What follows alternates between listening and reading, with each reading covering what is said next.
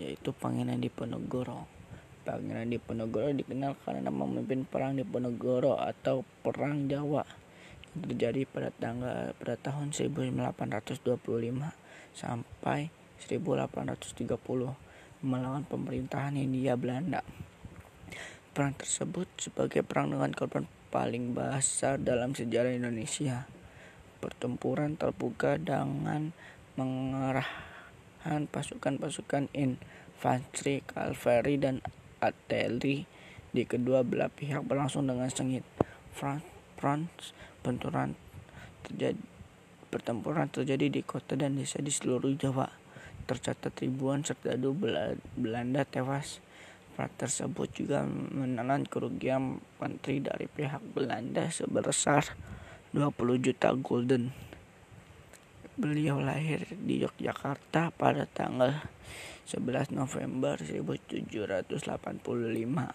Kiprahnya yaitu memimpin perang di Ponegoro atau perang Jawa melawan pemerintahan Hindia Belanda. Assalamualaikum warahmatullahi wabarakatuh. Assalamualaikum warahmatullahi wabarakatuh. Nama saya Putri Gautomo. Di sini saya ingin menceritakan sosok yang kami yang yang saya kagumi. Sosoknya itu satu Soekarno.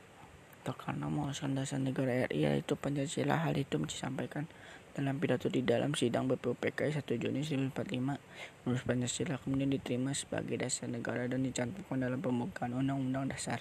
Soekarno dikenal sebagai seorang operator yang handal Ketika berpidato, beliau mampu menggetarkan hati para pendengarnya.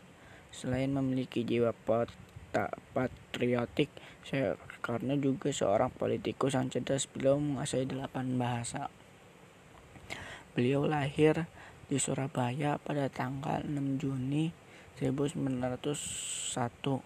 Pendidikan yang pernah dia beliau itu adalah pendidikan sekolah dasar English School Mojokerto, Pendidikan Sekolah Dasar Aeroparch Lager School Mojokerto. Dan Hagelbart School Mojokerto 1911 sampai 1015 dan Teaching High School atau sekarang ITB 1920 penghargaannya yaitu gelar doktor honoris causa dari causa dari berbagai universitas universitas di dalam maupun luar negeri dan penghargaan bintang kelas 1 The Order of the Supreme Champions of All Time.